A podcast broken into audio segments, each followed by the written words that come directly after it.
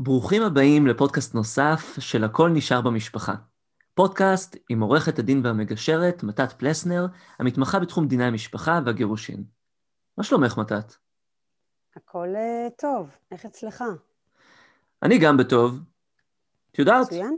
כן, ככה, ימים, השמש זורחת, אנחנו בריאים, צריך להודות על מה שיש כל בוקר מחדש.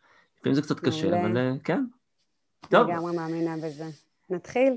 כן, קדימה, אנחנו נדבר היום על תהליך של בחירת עורך דין לניהול הליך גירושין, וזה מסובך, אולי לא כמו תהליך הגירושין, אבל זה מסובך, זה לא קל, נכון? זו בחירה די מכרעת אפילו, לא? לא יודעת אם זה מסובך, כמו שזה פשוט חשוב. חשוב, ובגלל שרואים הרבה פעמים אנשים מחליפים בדרך כמה עורכי דין, אז יכול להיות שאם נותנים את הדעת, או אם מישהו שעומד בפתח התהליך ייתן את הדעת למה כדאי לשים לב, ומה באמת נכון לו, אז יכול להיות שהבחירה תהיה פשוט מדויקת יותר. אולי באמת אנשים גם צריכים מראש להבין שבניגוד לכל מיני תחומי משפט אחרים, את יודעת, שהם יותר אה, אולי ספציפיים, כאן מהמם. זו מלחמה על הכל. זו באמת, זו מלחמה על הבית. אתה פותח את החיים האישיים שלך לחלוטין בפני עורך הדין, נכון? כן, זה לי- לא חייבת להיות מלחמה, זה גם יכול להיגמר בדרכים טובות ונעימות יותר, אבל באמת הכל, אני חושבת שמה, שמה שאפשר להגיד זה שהכל יושב על הפרק, הכל נמצא שם, הבית, הילדים, הרכוש, הכסף. הקטע הרגשי שהוא מעל הכל, והוא כמו איזו מטריה שעוטפת את הכל מלמעלה. אז באמת זה אחת הנקודות המשמעותיות, אה, אם אדם מגיע לנקודה הזאת שהוא מפרק או פירקו עבורו, אז אה, בעל כורחו הוא ניצב באמת בפני אחד הרגעים המשמעותיים והאולי לא נעימים. מערכה. בוא נקרא מערכה. לזה מערכה. מערכה. כן, מערכה. נראה לי שבתחום הזה צריך, את יודעת, זה לא, לא צריך פה רק מקצועיות, או אנושיות, או ידע והבנת הליכים, צריך פה די הכל מהכל, כי אתה באמת לוקח איזשהו אירוע שהוא גם משליך על הכל. ככה לי נראה. אוקיי, נכון, בגלל זה חשוב שכשבוחרים, הבחירה תהיה ככה כמה שיותר מדויקת לאותו אדם ולאותה סיטואציה. כשאני מדבר איתך עכשיו, אני גם חושב שאולי באמת הנושא הזה של החלפת עורכי דין פעם אחרי פעם, שלפעמים זה דברים שאנחנו חווים בתוך תחום דיני המשפחה, אולי נובעים מזה שמראש לא נערכים למערכה הזאת, שהיא כל כך כוללנית, שהעורך דין אמור לענות על כל כך הרבה היבטים שונים בתוך ה... צרכים. כן. הצרכים, כן, בתוך האירוע הזה. אוקיי, אז בואי נתחיל, אוקיי? טוב. קדימה. אז יאללה, אז איך בעצם בוחרים את עורך הדין? מה, מה חשוב לחפש ולמצוא בעורך דין שאמור ללוות אותנו בתקופה הזאת? יש כאלה שיגידו, התקופה הכי מטלטלת בחיים, הכי מורכבת בחיים, ואת יודעת, גם אם יש ילדים, זו תקופה שתעצב לנו את השנים הבאות, את העשור הבא אולי אפילו, מכל מיני היבטים. ואני חושב שאולי זה באמת משהו שצריך להבין וצריך לדעת, אבל השאלה איך לוקחים את כל מה שדיברנו עד עכשיו, את יודעת, על הנושא שצריך את המקצועיות, אנושיות, ידע והבנת תהליכים, כל המרכיבים האלה, איך מחברים אותם ביחד ואיך מוצאים אותם בעורך דין, והאם אלה, הדברים האלה, מה שבאמת צריך למצוא, האם יש גם היבטים נוספים שצריך אה, להסתכל עליהם ולחפש בעורך הדין? אוקיי, אז, אז אני, מה שאני חושבת זה שהדבר הראשון, ויכול להיות שזה גם נכון לתחומים אחרים, אבל פה זה מקבל אה, משנה תוקף נראה לי, זה הדבר הראשון שאני הייתי רוצה לחפש, ושנראה לי שלאנשים חשוב לשים לב, זה לא רק כמה שנים אותו עורך דין אה, עוסק בתחום, בתחום אה, הספציפי הזה, או בכלל ממתי יש לו רישיון, ו...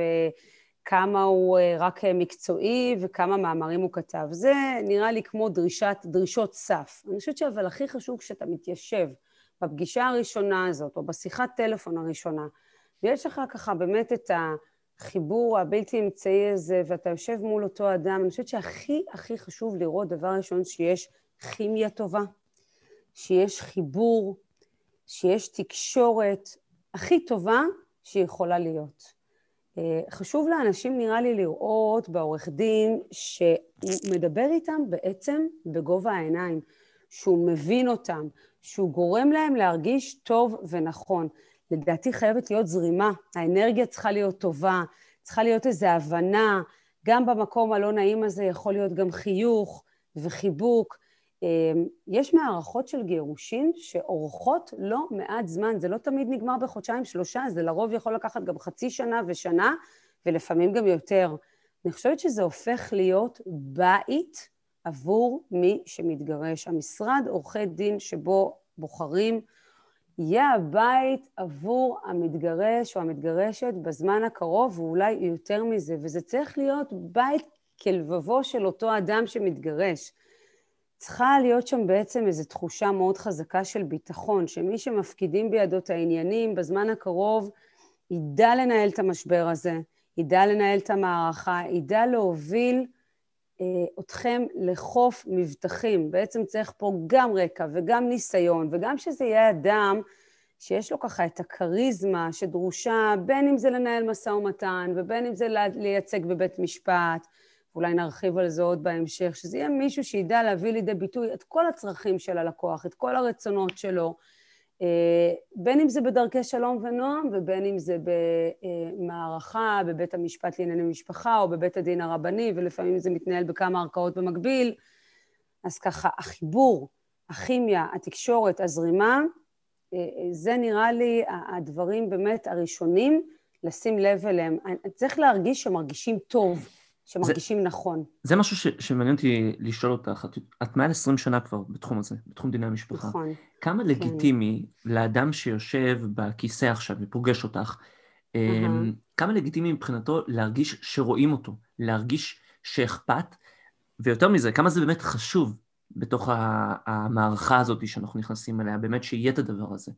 אני חושבת שזה סופר קריטי, אני חושבת שחשוב מאוד להבין, וגם אני כעורכת דין, לי מאוד מאוד חשוב לדעת שאני מבינה את מי שיושב מולי.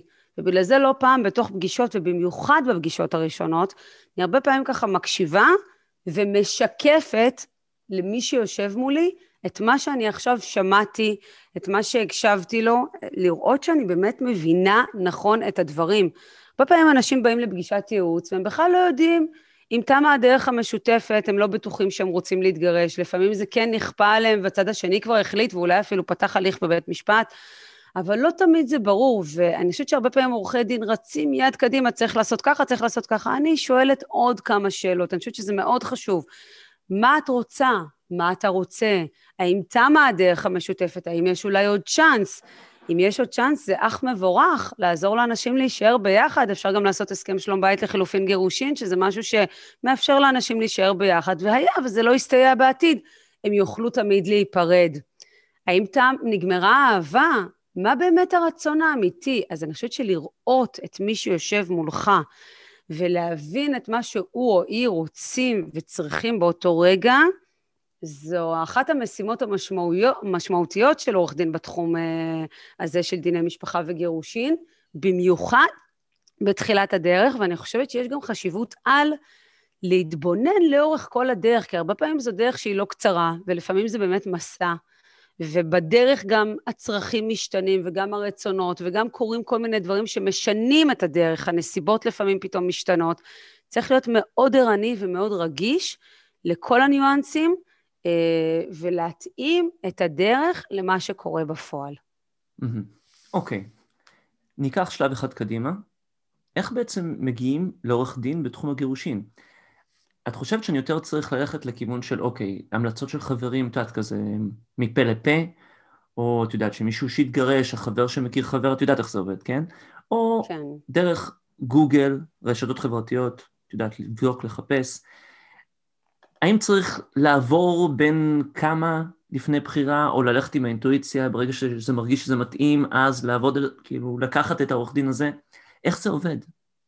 אז אני יכולה להגיד לך שאני פוגשת אנשים שמגיעים אליי בכל הדרכים האלה שציינת. יש לקוחות עבר שהיו מאוד מרוצים וממליצים, או ממליצים ישירות עלינו, או שחברים שלהם שמכירים או בני משפחה שמעו, הכירו את העבודה והמליצו, וזו דרך אחת.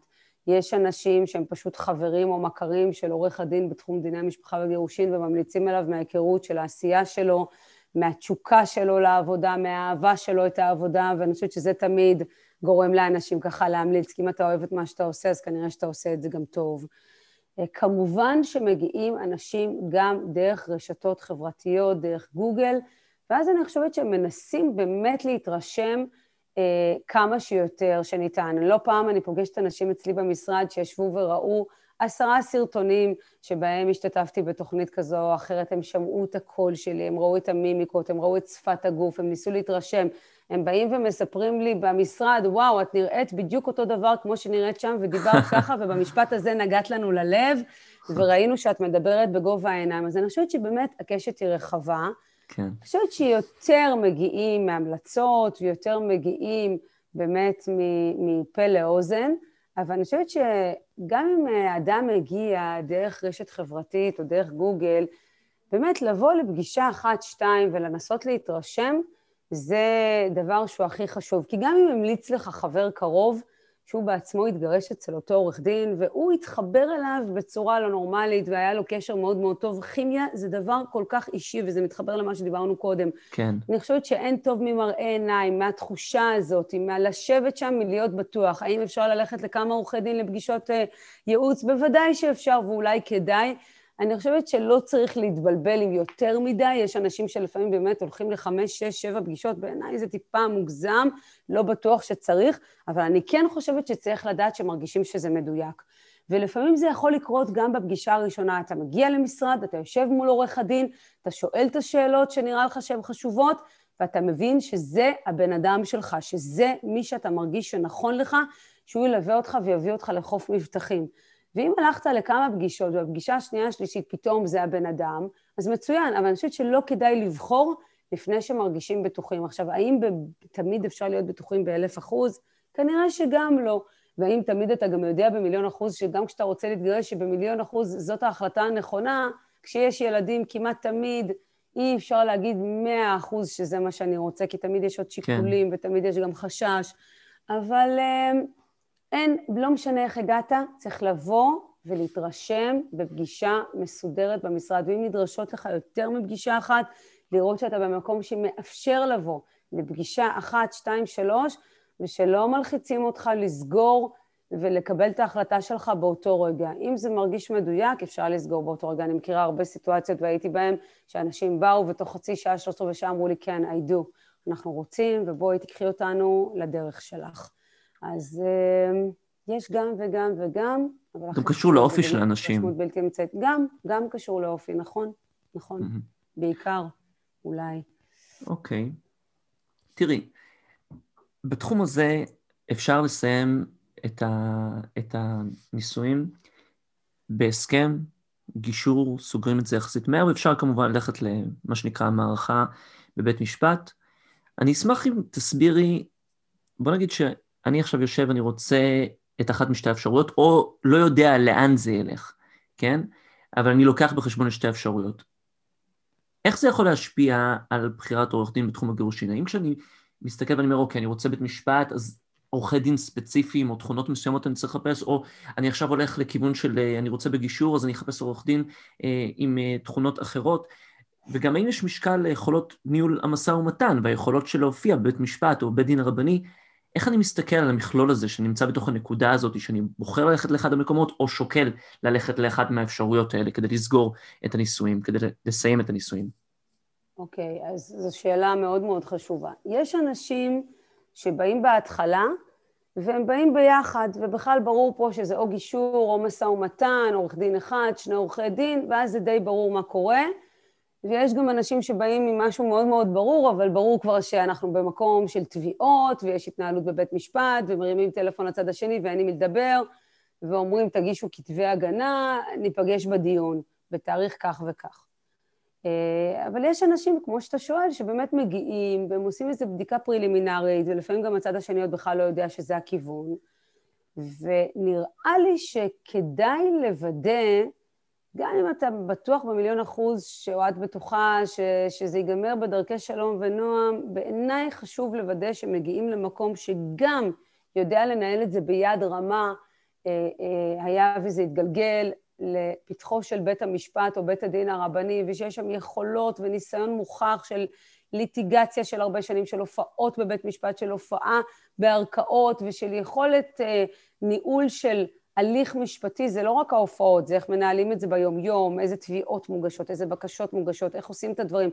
אה, כל הבנייה של הטקטיקה והאסטרטגיה מאוד מאוד חשוב, ובאותה נשימה, אם כמובן יש אפשרות לסיים הכל בדרכי שלום ונועם, בגישור, בהסכם, בצורה שהיא הכי נכונה לצדדים, שהיא הכי יעילה, שהיא הכי פחות יקרה, שהמשאבים הנפשיים, הרגשיים, הכספיים, הזמן, הם באמת אה, באופן מיטבי ייטיבו גם עם הצדדים וגם עם הילדים שלהם, אז כמובן שכדאי לדעת שאותו עורך דין שאליו מגיעים הוא גם מגשר והוא גם בעל יכולות ניהול משא ומתן מוכחות, בין אם באת וקיבלת המלצה מחבר, או בין אם באת ובאמת אה, קראת והתרשמת והגעת ושאלת את כל השאלות. אני חושבת שזה שאלות שחשוב לשאול, וכשבא לקוח חדש למשרד, הוא יכול לשאול את השאלות האלה ולא להתבייש לשאול אותן. צריך. כמה משאים ומתנים אתה מנהל, נכון, וכמה, בכמה תיקים אתה מופיע בבית משפט, או בכמה הופעת עד היום, ובאיזה ערכאות הופעת, ומה קורה אם זה מסתבך ממשא ומתן ומתגלגל לבית משפט, או להפך. שאלות סופר קריטיות, חשובות, משמעותיות, אה, זה, זה הליך כל כך חשוב. לשאול, נכון. הליך כל כך נכון. חשוב, זה לא המקום להתבייש, זה אחד ההליכים נכון. החשובים ביותר שאדם יעבור בחייו, לא המקום להתבייש לשאול שאלות, וזה מוביל אותי לשאלה הבאה, כי דיברתי פה על אסטרטגיה, ואולי נדבר קצת על החשיבות של האסטרטגיה, כלומר, האם זה משהו שאני שם את עצמי עכשיו בכיסא של האדם שמגיע ויושב מולך, מולך, מול כל עורך דין אחר, אנחנו יודעים כמה האסטרטגיה חשובה. האסטרטגיה חשובה וחשוב, אני חושב כבר מההתחלה שתהיה איזושהי אסטרטגיה, לאן אנחנו חותרים, לאן אנחנו רוצים להגיע, כן? כמו שאמרת מקודם, אני שואלת, לאן אתם רוצים להגיע, כן? אז האם זה משהו ששווה לבדוק ולדבר עליו כבר בהתחלה? האם עוד לפני שבחרתי את עורך, עורכת הדין, אני צריך לשבת ולהגיד, אוקיי, זה המקרה שלי, זה מה שחוויתי, זה מה שעברתי, זה המצב הנתון כעת. מה את רוצה לעשות, מה את מתכוונת לעשות, מה תעשי במצב הנתון. האם זה לגיטימי לשאול את זה? איך העורך דין רואה את המקרה, מה הוא מתכוון לעשות, כמה גמישות הוא יודע לגלות בדרך. אז אני חושבת שזה מאוד מאוד חשוב לשאול את כל השאלות האלה. לא תמיד יש תשובה מאוד ברורה בהתחלה, ולפעמים התשובה גם יכולה להשתנות בדרך. אז אני אסביר. ברור. מה, ש, מה שנראה לי, אה, אחד הדברים החשובים להבין ממי שיושב, זה גם ברמה האישית, לראות שזה אדם, הרי עורך דין הוא אדם לפני הכל, שיודע לגלות גם גמישות, ושגם נדמה שיש לו יכולת התאמה למה שקורה במציאות בשטח, כי אפשר להתוות טקטיקה ואסטרטגיה באופן באמת מאוד מאוד ברור ומובהק בהתחלה. ובדרך קורים דברים שגורמים לזה שזה צריך להשתנות, וצריך לדעת כן. שזה בדיוק התחום שאסור להיות בו עם הראש בקיר, וצריך כן להיות פתוח וכן להסתכל נכוחה, נכוחה על, על מה שמתהווה וקורה ומשתנה תוך כדי, תוך כדי תנועה, וזה יכול להיות גם בצד שלנו עם הלקוח או לקוחה שאנחנו מייצגים, וגם בצד השני. חושבת שמאוד מאוד חשוב בהיבט הזה, דבר ראשון להבין מה האני מאמין של מי שאתה יושב מולו, של העורך דין שהולך לטפל בך בדבר הזה הכל כך חשוב. האני מאמין זה גם משהו שאפשר לשאול עליו בצורה מפורשת, האני מאמין זה גם משהו שאפשר לקרוא עליו באתר, במאמרים שאותו עורך דין כתב, ברעיונות שהוא קיים בטלוויזיה, בדעתו על כל מיני דברים, באמת בהמלצה שקיבלנו לשאול מה הייתה הדרך, במה הוא מאמין, משמורת משותפת, הפחתה של מזונות, אבות מעורבים, לא מעורבים, אימהות שהן משמורניות בלעדיות, או אבות שגם יכולים להיות במשמורת משותפת. יש ככה לכל אחד את האני מאמין שלו, ואני חושבת שגם מאוד מאוד חשוב שהעורך דין שמגיעים אליו ישתף באמת באני מאמין שלו, כמובן כל מקרה לגופו. וזה כן. מאוד מאוד חשוב לדעת שגם אם אני מאמינה במשמורת משותפת ושותפות מלאה והורות שווה, יש מקרים מסוימים שאחד ההורים פחות מעורב או פחות מגלה יכולות ומסוגלות הורית גבוהה, אז כמובן שכדאי לתת את, ה, את המושכות בידיים של האחר וכן לאפשר באמת שיתוף, אבל כל מקרה לגופו, הטקטיקה והאסטרטגיה חשובות מהן כמותן, אני חושבת שמאוד חשוב העניין של הגמישות, כמו שאמרתי בהתחלה. לדעת שאפשר להתוות דרך, אבל אפשר גם לשנות אותה בהתאם לצרכים ולרצונות ולמה שקורה בדרך. אבל כן חשוב שיהיה מולך אדם שיודע להגיד בבירור לאן הוא הולך לקחת את זה באותה נקודת זמן, שבה יושבים בפניו. ואם מחר ישתנה משהו, שהוא יודע לעשות התאמות ולשנות למקום שאליו הספינה שעתה, ובעיקר שהוא יודע להוביל ולהשיט את הספינה, גם כשהים סוער וגם כשהים רגוע. זה, זה מה שחשוב לבדוק. קצת כמו משחק שחמט, לוח שחמט. כלומר, אתה יכול לבוא עם איזושהי אסטרטגיה, אבל תוך כדי יש תנועות שצריך להגיב עליהן ובצורה מהירה, כדי לא, לא להפסיד. ולא צריך להיות שחקן שח כדי להבין את זה. אמ, כן. אני חושב שזה טיפה, טיפה ככה. אני רוצה לגעת באיזושהי נקודה שהיא מוכרת. אנחנו מגיעים אה, ולוקחים אה, עורך דין, לא משנה מאיזה תחום.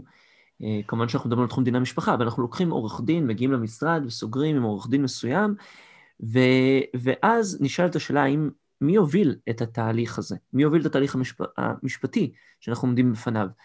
ואני חושב שלפעמים אנשים נכנסים, באים אה, לתוך משרד ויוצאים משם עם תובנה אחת, אבל בעצם המציאות טיפה שונה. אז נשמח, את יודעת, אם קצת תסבירי על האפשרויות שקיימות אה, מהרגע שבן אדם בעצם נכנס לתוך התהליך הזה ולתוך משרד ודיבר עם עורך דין, האם בסופו של דבר הוא יעבוד מול אה, העורך דין שאיתו הוא ישב, או מול עורך דין אחר? איך ההחלטות מתקבלות? איך, האם, האם זו עבודת צוות או עבודה פרטנית? כמה חשוב בכלל לדעת אם יש צוות מסביב או אין? אמ, יש פה כל מיני אלמנטים שאתה יושב מול אדם ואתה לפעמים לא מבין אותם. ואני אשמח אם תפרטי טיפה על החשיבות אה, של, אה, של הנושא הזה. אה, אני עכשיו בא, ולפני מה אני עומד? האם את תייצגי אותי בבית משפט, או חלק מהצוות? האם חשוב לדעת את זה? מה חשוב לשאול במפגש הזה? כן, אז אני, אני אשמח להסביר. אני חושבת שזה שאלות מאוד חשובות, וגם כאן זה מאוד מאוד אינדיבידואלי. כל אחד ומה שמתאים לו. מה שמתאים לאחד לא מתאים לאחר ואחרת. אז יש בתחום הזה של דיני משפחה וגירושין באמת משרדים שזה one woman או one man show, וזה באמת אדם אחד שאולי מעסיק מתמחה ואולי לא מעסיק אף אחד, או עורך דין אה, שכיר, וזה המשרד. ויש אה, משרדים שבאמת מורכבים מצוות, שזה או אה, שני שותפים ויותר, או, או באמת בעלים אחד, ותחתיו צוות של שכירים, עורכי דין ומתמחים. והמשרד הוא באמת גדול יותר. אני חושבת שלי, למשל, היה מאוד חשוב לדעת מי מטפל בי באופן אישי. האם מדובר רק במי שישבתי מולו, שהוא הבעלים של המשרד לרוב, או האם אני אדבר ביומיום גם עם עורך דין נוסף שהוא בצוות, והאם זה תמיד יהיה אותו עורך דין, או שיהיו כמה עורכי דין וכל פעם מישהו אחר. מי מייצג אותי בבית משפט? נכון. מי מנהל בעבורי את המשא ומתן? הרבה פעמים אנשים נכנסים אליי למשרד ואומרים, אני רוצה לדעת ושאת תתחייבי שאת זאת שמגיעה לבית המשפט, שאת זאת שמנהלת את המשא ומתן ביום-יום, אין לי בעיה.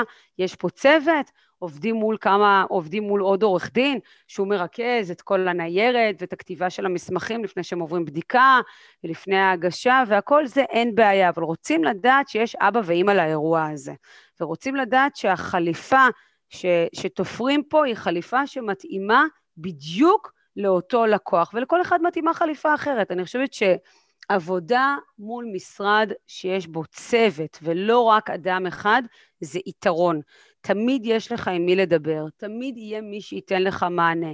גם אם עורך הדין הבעלים של המשרד נמצא בבית משפט, או נמצא בהרצאה, או נמצא אני לא יודעת איפה בחופשה, תמיד יש עם מי לדבר. אני חושבת שזה מעניק ומאוד מבסס תחושה של ביטחון, של ודאות, של יציבות, שזה דברים שהם מאוד מאוד חשובים למי שמתגרש. קריטיים. או מי שנמצא בהליך של פרידה, או בכל עניין אחר של דיני משפחה, בין אם זה תיק ירושה, או עניינים אחרים. אז אני חושבת שלי, לי למשל, ברמה האישית זה נותן תחושת ביטחון, שלא כל הסיפור מופקד רק בידיים של בן אדם אחד, אולי יש מישהו אחד שהוא באמת הבעלים של המשרד, אבל שיהיה עוד מישהו שאפשר לדבר איתו. אמ, כן חשוב לי לדעת שיש מישהו אחד שמוביל, אבל שיש לו צוות, אני חושבת שזה יתרון, וזה אה, מקנה כאמור תחושה של אה, ביטחון. אז כן. זה שאלות ש, שאפשר וחשוב לשאול אותן בהתחלה, כי לפעמים יושבים אפילו רק עם הבעלים של המשרד, ומחר מגלים שיש עוד איזה בן אדם או שניים, וראיתי גם מקרים שפתאום נשלח לבית המשפט מישהו אחר, ללא תיאום עם הלקוח, ללא קבלת האישור שלו. זה בעיניי לא אמור לקרות, הדברים צריכים להיות מתואמים, מסונכרנים, צריכה להיות ודאות, וחשובה מאוד השקיפות. אה, ואם אה, יש משרד שעובד בדרך אחרת, שבה גם השכירים הולכים ומופיעים והכול, זה גם צריך להיות ברור, צריכים לשקף את זה ללקוח מ-day one. אז לא לחשוש לשאול את השאלות האלה, לא להסס, לשים הכל על השולחן, לרשום לעצמך את הדברים. אה, זה דברים מאוד מאוד חשובים והם יהיו קריטיים בהמשך. יש אנשים שכן ירצו שאחד השכירים יתחברו אליו מאוד, והוא כוכב, והוא מופיע המון שנים, והוא מצוין, אין שום בעיה עם זה, זה בסדר. אבל כל עוד שני, שיש תיאום ציפיות מלא ושני הצדדים יודעים בדיוק מה הדרך, ואם היא משתנה, הכל בתיאום ובהסכמה. גם כאן אה, יש הבנות שהן בין העורך הדין ללקוח, וחשוב מאוד שהן תהיינה ברורות לשני הצדדים. אז זה עוד נושא שכדאי לשים אותו על השולחן, ולא להסס לשאול כל שאלה בעניין הזה. כן, אני חושב שהרבה מהדברים שאת uh, אומרת כאן uh, לגבי שקיפות, לגבי uh, סגירות מוקדמות של דברים, זה מאוד חשוב, כלומר לא להתבייש לשאול את הדברים, זה באמת הליך משמעותי שמחפשים בו יציבות, ומאוד מאוד חשוב לשמור על היציבות הזאת, וחלק מזה זה להבין איפה אתה נמצא ואיפה אתה עומד. ואגב שקיפות ויציבות, אני עובר לשאלת מיליון הדולר, או השקל במקרה הזה, איזה משקל יש לתת למחיר? כלומר, לפעמים ברור שזה כל מקרה לגופו וכו', אבל אבל אני כאילו באמת שואל, יש הרי אנשים שמן הסתם לוקחים גלובלי, יש אנשים שלוקחים תמחור לפי שלבים, ואת יודעת, אנחנו הישראלים הרבה מאוד פעמים אומרים, טוב, יש לנו את המחשבה הזאת, מה לפי שלבים, פתאום אה, יתקעו לנו פה עוד שלבים, יש הרבה דברים שכמובן קשורים לאמינות, אבל בסופו של דבר באמת הנושא של, ה, של הכסף, כמה משקל יש לו, מה צריך לשים לב. קשה להגיד ב, ב, בצורה כזו גסה מה כדאי ומה לא כדאי, אבל בכל זאת אני אשמח להבין ממך טיפה יותר מה אדם שמגיע לעורך דין אה, צריך אה, לדעת כדי באמת, את יודעת, את יודעת, להישאר במקום שנוח לו וטוב לו מכל הבחינות. אז אני חושבת שאחד הדברים הכי חשובים, כמו שאמרתי קודם, זה חל גם כאן, זה הנושא של השקיפות. לקוח שמגיע, לא משנה מה הוא סגר, ותכף ניכנס לזה קצת יותר לעומק, אם זה גלובלי או לפי שלבים, אני חושבת שהוא צריך לדעת דבר ראשון, מה עומד להיות, בין אם זה גלובלי, בין אם זה בשלבים, מה הסכומים, מה השלבים, מה המחיר, מה זה כולל, אם יש שלבים שונים בדיני משפחה וגם בתחומים אחרים יש אה, שלבים בהתחלה של תביעות וכתבי הגנה, ויש דיונים, האם הדיונים כלולים במחיר או כל דיון מתומחר בנפרד, ואם יש אחרי זה שלב של הגעה לשלב השני של הוכחות וחקירות ויש הגשה של תצהירים ובסוף גם סיכומים והכנה לדיוני הוכחות, האם יש כאן עלות נוספת, מה קורה עם כל העלויות המשפטיות הנלוות של הוצאות, של שליחים, של אגרות, של כל הוצאה נוספת. חוקרים פרטיים, האם זה כלול או לא, זה כמעט אף פעם לא כלול, כי הולכים לחוקר פרטי ומשלמים לו בנפרד. יהיו כן. בדרך מומחים, יהיו תמלולים, יהיה צורך להיעזר בכל מיני גורמים. צריך מאוד מאוד להיות בטוח ולדעת להבהיר וכאן זה התפקיד בעיקר של העורך דין, להיות מאוד ברור, ואני נתקלת בהמון מקרים שאנשים מספרים שדברים לא היו ברורים. פתאום צצים. מה באמת הכל, כן, לא, אז דבר ראשון, אני חושבת שלקוח וגם לעורך דין, מאוד מאוד חשוב שיהיה הסכם שכר טרחה ברור. ואם בדרך מתווספים עוד דברים, צריך להבין האם הם בתמחור נוסף, או האם הם כלולים כבר במה שסגרנו מראש. ואם יש שלבים של תמחור, אז מה הם השלבים? והאם ניתן בידיעה שאנחנו יודעים שיכולים להיות שלבים נוספים בדרך, האם ניתן לתמחר מראש את השלבים? ואם לא ניתן, אז מצופה מעורך דין שיהיה מאוד ברור, כי לפעמים אנחנו רוצים להגיש עכשיו שתיים, שלוש תביעות, ואנחנו לא יודעים מה הצד השני יגיש, אבל אנחנו יכולים לנסות לעשות איזושהי הערכה מה צפוי בנסיבות המקרה הזה שיהיה מוגש, ואם זה יוגש, כמה זה יעלה. ויש עורכי דין שבאמת אחרי מספר תביעות שכבר הלקוח שילם, אם יהיו מספר תביעות נוספות, הוא ייתן הנחה ויקח את זה בחשבון, שזה כבר נסגר. ויש עורכי דין שנותנים סכום גלובלי ואומרים זה לפרק זמן של שנה, וזה כולל בפנים הכל, מכל וכול, לא משנה כמה דיונים יהיו, כמה פגישות תהיינה אה, וכולי. האם פגישות כלולות או לא? מה קורה אם זה נסגר פתאום במשא ומתן? מה קורה אם אחרי שהגשנו את כל התביעות מגיעים להסכם? האם זה משנה את שכר טרחה? האם זה לא משנה? האם אחרי הגשת כל התביעות פתאום נתחיל לנהל משא ומתן? האם יש עלות נוספת? כן או לא? מה קורה אם זה עובר מגישור למלחמה או ממלחמה לגישור? כל השאלות האלה כדאי לשאול אותן מראש, ואני תמיד ממליצה גם לעורכי דין להיות ברורים ושקופים, ולכתוב את המסמך שישמור גם על הלקוח וגם עליהם בצורה הטובה ביותר. אם זה שומר רק על אחד הצדדים, זה בטוח לא ווין ווין, ובטוח שצפויות להיות שם בעיות. ו- והבעיות לא מאחרות להגיע בתחום הזה, במיוחד שאנשים נמצאים בתקופה הכי רגישה בחייהם, הכי משברית, אז, אז גם כשהעניין הרגשי הוא ככה מורכב, אז גם עניינים של כסף הופכים להיות מורכבים. כדי למנוע את כל המחלוקות האלה במקום שממילא לא צריכות להיות בו מחלוקות, כדאי באמת לשמור על הגינות ושקיפות, ושהכול יהיה כתוב וסגור מראש. ולפעמים גם נופלות טעויות, אז אם נופלות טעויות, וגילה את זה או הלקוח העורך דין, צריך לשבת ולהידבר, אני תמיד מאמינה בהידברות, ובצורה יפה וטובה והוגנת, וזה תמיד מוביל לתוצאות שהן הכי ראויות. אז כן, למחיר גם יש משקל. אני חושבת שברמה המהותית, אה, אנשים אה, מתלבטים הרבה פעמים בין משהו יותר יקר או פחות יקר, ו- ולא פעם אנשים גם בוחרים באופציה שהיא פחות יקרה, ולעיתים גם מתחרטים בהמשך ומגלים שהם או לא קיבלו בדיוק את מה שהם רצו, או אה, שהדברים לא היו ברורים, או שהטיפול לא היה מספיק מקצועי, מסור, צמוד, הליווי היה ככה, לא עונים להם, כן עונים להם. אה, נתקלתי גם במקרים כאלה שאנשים הלכו ובחרו את האופציה הפחות יקרה במקום אחר, ואחר כך חזרו, ולפעמים גם בדרך קרו כל מיני פאשלות ש, שקשה היה לתקן אותן, או היה מורכב יותר לתקן אותן, ואז כמובן שהמחיר, לא רק הכספי, אלא גם הרגשי, הנפשי הוא גדול יותר, לפעמים מדובר בעניינים של ילדים שבאמת אין לזה מחיר, זה פרייסלס, אין לזה בכלל מחיר לדבר הזה. כן.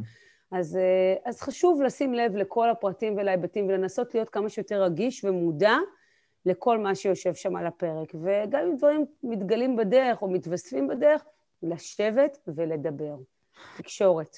כמו שהתחלנו בזה, שזה אחד הדברים הכי חשובים, אז באמת אם בוחרים עורך דין שהחיבור איתו טוב והכימיה היא טובה, וזה ככה אני סוגרת מעגל לתחילת השיחה שלנו, אה, ושהתקשורת איתו טובה והאנרגיה טובה, אז אפשר לדעתי לדבר על הכל, ו- וגם על כסף, ולא צריך להתבייש.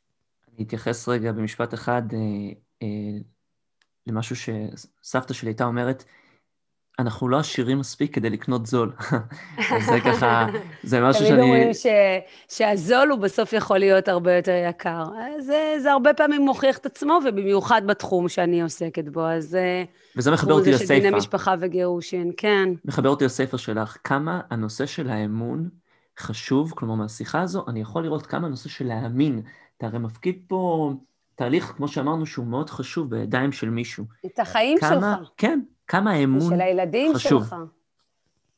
איזה פקטור הוא משמש גם בהצלחה של התהליך, ברגע שיש את הכימיה הזאת. כן, אז אני חושבת שאמון זה דבר שהוא חשוב בכל מערכת יחסים. כן.